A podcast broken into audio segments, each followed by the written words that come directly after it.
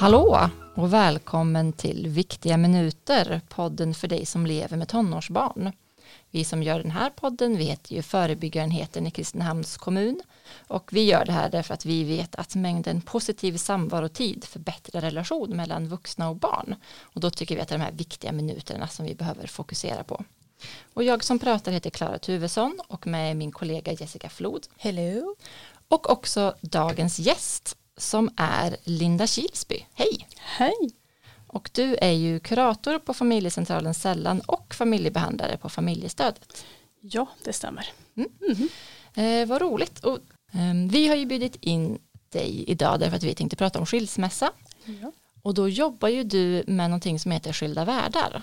Ja, det gör jag. Jag tillsammans med min kollega på familjestödet, Carola Gunnarsson, vi har den stödgruppsverksamheten för barn då i åldern 7 till 12 år är det då som har då skilda eller separerade föräldrar där man har samarbetssvårigheter. Mm. Mm.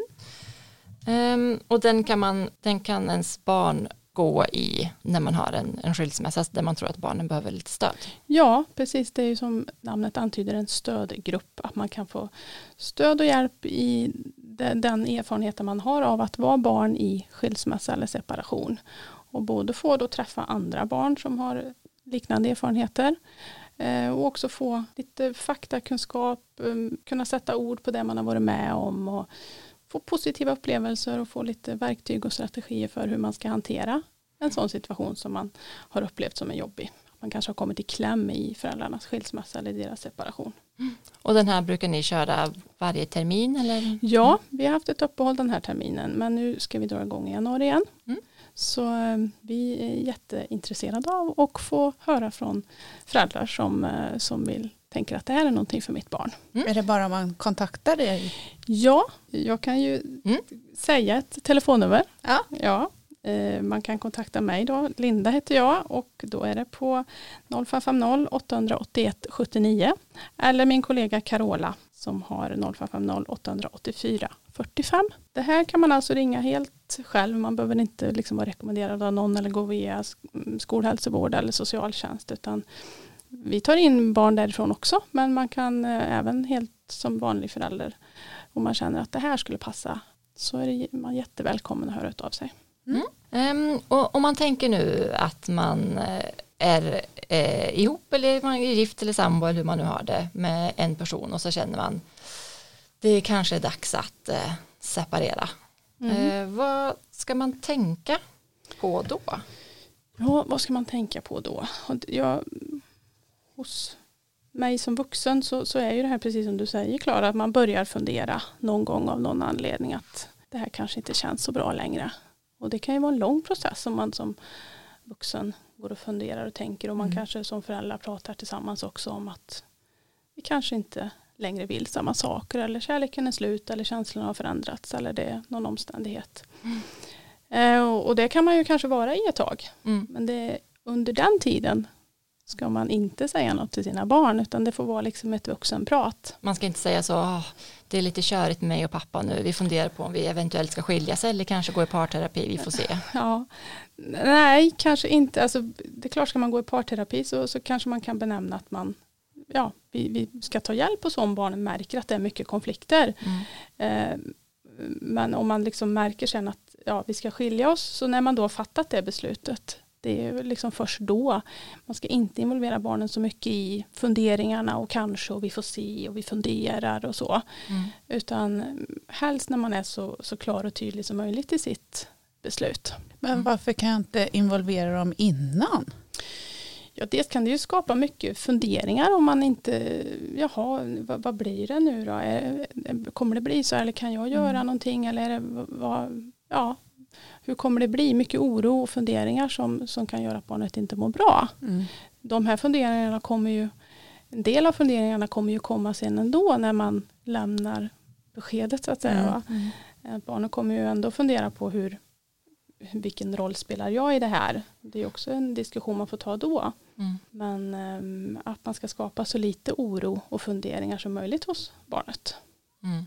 Jag tänker för Så. sin egen skull också kanske. Om man säger så här, jag funderar på, och ens barn Ja. säger nej snälla mamma gör Nej. inte det. Alltså det blir väldigt slitigt för en själv Mm. Om man ska ha med barnen i den processen. För det är ju, alltså det beslutet måste grundas på hur jag har det i min relation med min partner. Ja, och det är ju ett ganska, det är ju ett väldigt stort och svårt och komplicerat beslut. Mm. Och, så att bestämma sig för att det man en gång tänkte skulle vara livet ut, det kommer inte bli så här om man är medveten om att det kommer få stora konsekvenser för, för oss som föräldrar och för oss som familj och för det enskilda barnet. Så det är ju ingenting man bestämmer sig för snabbt. Mm. Eh, Utan det är ju en process där man behöver liksom fundera lite grann på olika saker innan man pratar med barnet. Mm. Mm. Och har man möjlighet så är det bra om man kan berätta det här tillsammans, båda föräldrarna. Mm. Man är tillsammans när man berättar om att man har tagit det här beslutet. För, för det ger ändå en känsla för barnet av att ja, men, ni kommer fortsätta vara mina föräldrar. Mm. Även om man då får förstå att vi kommer bo, ni kommer bo på olika håll och Mm. det kommer innebära det här och det här för mig som barn. Men när du säger att man ska vara ganska färdig liksom med beslutet och så, Mm. eh, innebär att man ska vara färdig med alla, med så här hur det ska bli, ska man ha, att man har varsin ny lägenhet, eller liksom, hur, hur Mm. färdig ska man vara? Ja, alltså det, det beror väl lite grann på. Det är klart att det, det är ju, man ska ju försöka involvera barnen i det här nya, nya beslutet också till viss del. Men eh, man kan ju ha behövt ta stora beslut som kanske köp av en bostad eller hyra en bostad. Det, det kanske har krävt en viss förberedelse för det. Och det är ju ett beslut som barnet ändå inte ska vara med och bestämma exakt vart vi ska bo eller vad som är möjligt och rimligt vi kan bo. Men att man sen får vara med och, och inreda i sitt rum eller liksom, Mm. eh, ja, vara var delaktig så mycket det går i att skapa ett nytt hem. Men Eh, kan man ta med barnen tänker jag och följa med och titta på lägenheten? Hur man- känns den? Och känns det bra? Absolut, det kan man väl göra om man, om man nu man kanske har, är i den processen. Eh, det kan man göra. Men, Mm. men sen eh, är det ju inte barnet som, som liksom har det slutgiltiga eh, avgörandet om vi ska bo eller inte. För det är ju också ett sånt där stort beslut som, som innefattar eh, ja, men ekonomi och, och liksom olika vuxenbeslut. Så. Men jag tänker när jag är ju skild sedan jätte, jättemånga år Mm. Och det svåra då, då var ju min son fem och då är det just det här hur ska vi berätta? Mm. Vad, vad säger man? För det är ju Ja. det som är det svåra Ja. tror jag. Ja. Mm. Oavsett vilken ålder finns det någon sån Mm. någon nisch på hur, hur lägger jag upp Finns det? det en manual? Ja, Ja, finns det ett, någon två, manual? hur, hur Ja. beter jag mig? För det är ju en viss skillnad på 3, 5, 12, 14, Mm. Ja, 17. Precis. Lite generellt sådär, jag har ingen manual men, men kanske med mindre barn, man säger runt fyraårsåldern sådär, då ska man ju inte berätta för mycket detaljer utan lite mer konkret. Vad, vad kommer hända?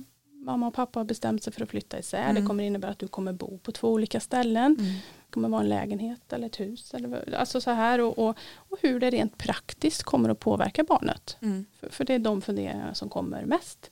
Och det skulle jag vilja säga att det är en fundering som återkommer i alla åldrar. Mm. Vad, vad innebär det för mig rent praktiskt? Var- Vart ska vi bo? Hur kommer det se ut? Och vart ska, jag, vart ska jag bo mest? Eller hur ska vi fördela det? Är man kanske runt nioårsåldern lite större sådär, då har man ju en del existentiella tankar och lite Mm. så här kanske magiska tankar om tillvaron. Ja, och att man kanske kan en förhoppning om att föräldrarna ska ändra sig. Jag kan få dem att ändra sig. De kommer flytta ihop igen. Att, att det ska kunna ske. Eh, och där är det ju viktigt att vara tydlig med barnet att det här är ett beslut som vi vuxna föräldrarna har tagit. Och det, du kommer inte kunna påverka det eller ändra Mm, det. mm. Utan det, det här är liksom ett faktum. Man liksom inte inger några falska förhoppningar. så. Mm.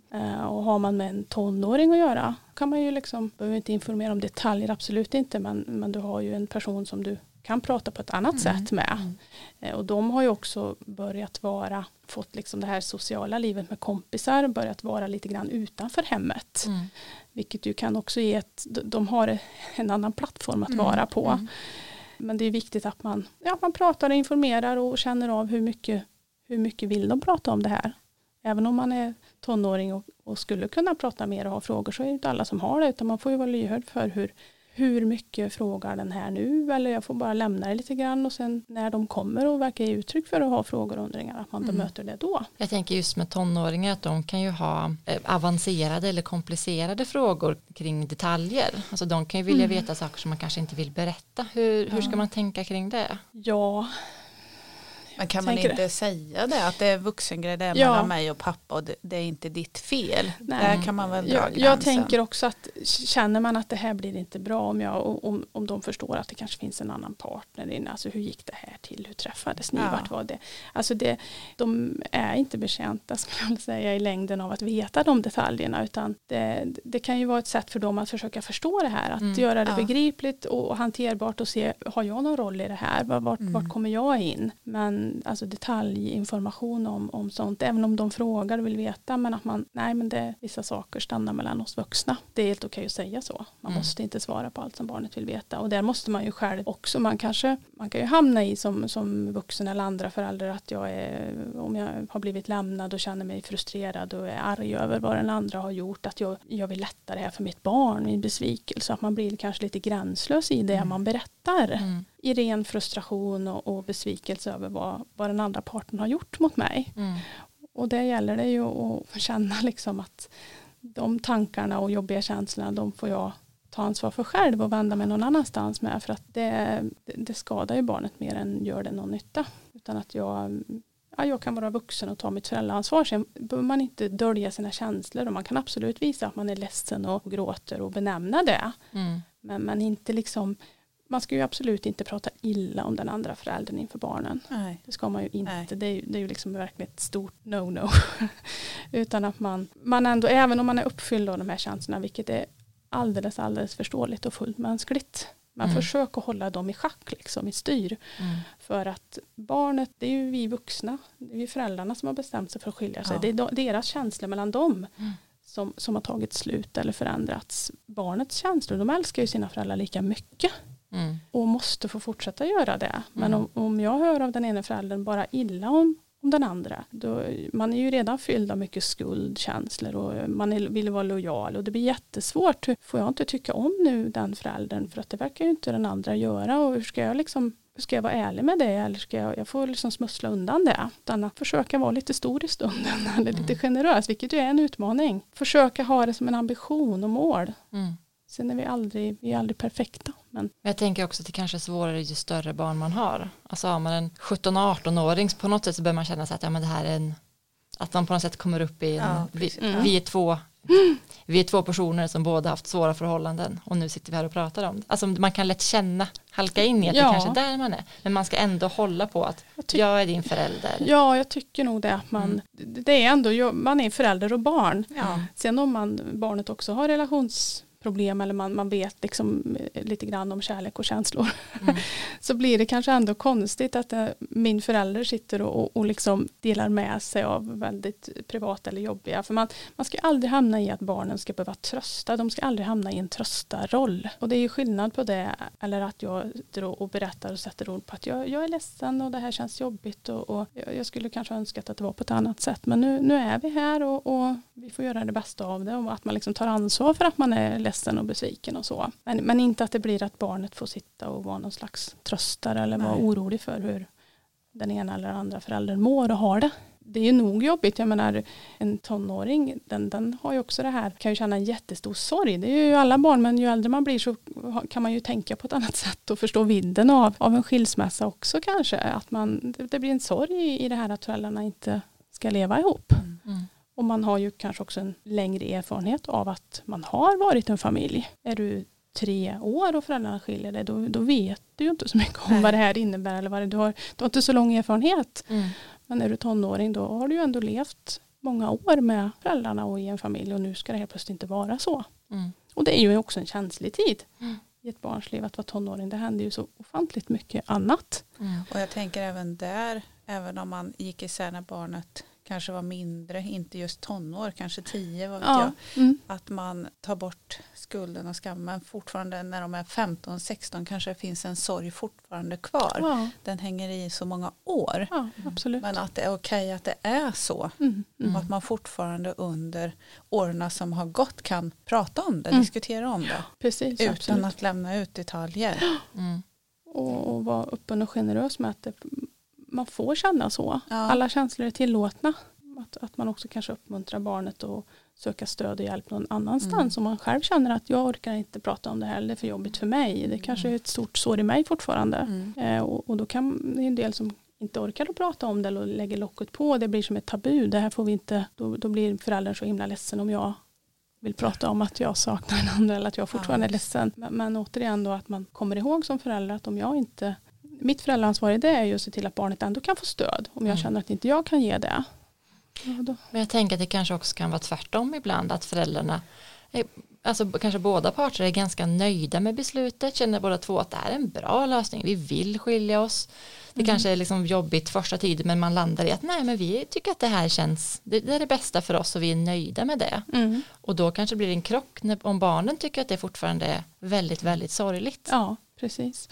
Och det kan ju också vara en krock i att en, ett barns reaktion kan ju kanske vara något annat än den jag förväntade mig. Barnet kanske reagerar på ett annat sätt eller tonåringen. Det kan också vara svårt att bemöta som förälder. Liksom, att de, ja, men jag, jag kanske tänker att de blir ledsen och så de bara väldigt arga och börjar liksom bli otrevliga eller liksom mm. göra tvärt emot eller mm. bli, ja, uttrycka missnöje. Och, det kanske man inte alls förstår för man har tänkt att man ska trösta och de kommer vara ledsna. Och, alltså den här biten med mer ja, trösta och omvårdnad och sådär. Och så blir det en jätteilsken aggressiv tonåring. Ja. Aha. Eller blasé, avstängd. Ja, ja, tycker ja, att, väl jag i. Ja, mm. ja, orkar inte bry sig. Liksom att det, det, här får väl ni ta ansvar för. Och hur förhåller jag mig till det? Mm. Och det är väl också jätteviktigt då att man vågar fiska även fast man inte får napp. För någon mm. gång så får du väl någon känsla av vad som rör sig i huvudet. Absolut. Tänker jag. Ja, och att man även om du inte får napp Även om du inte får gensvar, mm. även om du inte får den här positiva responsen. Mm. Du får ju liksom aldrig ge upp på ditt barn. Mm. Du får aldrig sluta hoppas på att vi kan få en bra relation mm. eller jag finns här ändå. Även om du upplever dig avvisad, bemött med ilska och, och så. Va? Så du är ändå den vuxne, du är föräldern, du har ansvar för att liksom vara på en annan nivå. Du kan inte bemöta med samma mynt. Mm. Utan att jag ja, fortsätter att liksom visa att jag finns här. Mm. Vi kan hitta på saker, ge förslag, höra av dig, fortsätta att vara viktig liksom. Mm. Oavsett vilken respons man har fått. Mm. mm. Vi har ju pratat lite om eh, att man absolut inte ska, eller så, så, långt det går undvika att prata illa om den andra föräldern och sätta barnet i en tröstsituation. Är det någonting som man absolut ska göra när man håller på att skilja sig? Något som man absolut ska komma ihåg att säga eller göra eller så. Ja, man ska ju vara väldigt tydlig med att tala om att det aldrig är barnens fel. Det är väl liksom egentligen nummer ett. Mm. Det är aldrig ditt eller ert fel att vi som föräldrar har valt att separera eller skilja oss. För, för barn är ju, ta gärna på sig skulden i det här. Vad mm. var det vi gjorde? Var det för att vi var så bråkiga? Var det för att vi aldrig lyssnade? Var det för att vi, ja, mm. allt man har rätt att göra som barn. Ja. Uh, kan det ha varit orsaken. Så att, att man är jättetydlig med att det här är ett beslut som vi vuxna har kommit fram till liksom, och det handlar om oss och, och känslorna gentemot varandra. Så, va? Och det um, kanske man inte bara ska säga en gång. Nej, det tänker jag att man behöver upprepa, absolut. Vi har ju eh, pratat nu om eh, skilsmässa med dig Linda och jag mm. tänker att det finns ju jättemycket mer att säga så jag tror att du får komma tillbaka i nästa avsnitt också och prata ja. mer om det här. Ja, det gör jag jättegärna. Men det vi sagt idag det är att eh, när man börjar känna att det kan vara dags för en skilsmässa att man först tar ett vuxenbeslut och sen pratar man med barnen Eh, och man får gärna berätta tillsammans. Och man får gärna involvera barnen i flytt och praktiska saker. Men de ska inte bestämma utan de får vara med och ha inflytande över det som berör dem och som på en barnnivå. Mm. Man ska inte inge falska förhoppningar, man ska försöka behålla gränsen förälder-barn, man ska inte prata illa om den andra föräldern, man ska tänka på att man inte ska sätta barnen i en situation där de behöver trösta eller oroa sig. Man kan försöka erkänna eh, att det kan finnas sorg eh, eller ilska eller besvikelse hos tonåringen för det här. Eh, man kan tänka på att känslorna kan komma i massa olika uttryck. Det är inte alltid som vi förväntar oss. Och om man ska skicka med en sak så är det att man ska helt och fullt övertyga barnen om att det inte är deras fel. Men vad bra, men mm. då eh, får vi höra mer från Linda i nästa avsnitt. Och så säger vi tack från oss tills mm. dess. Mm. Tack så mycket Linda. Tack så mycket. Mm. Hej då.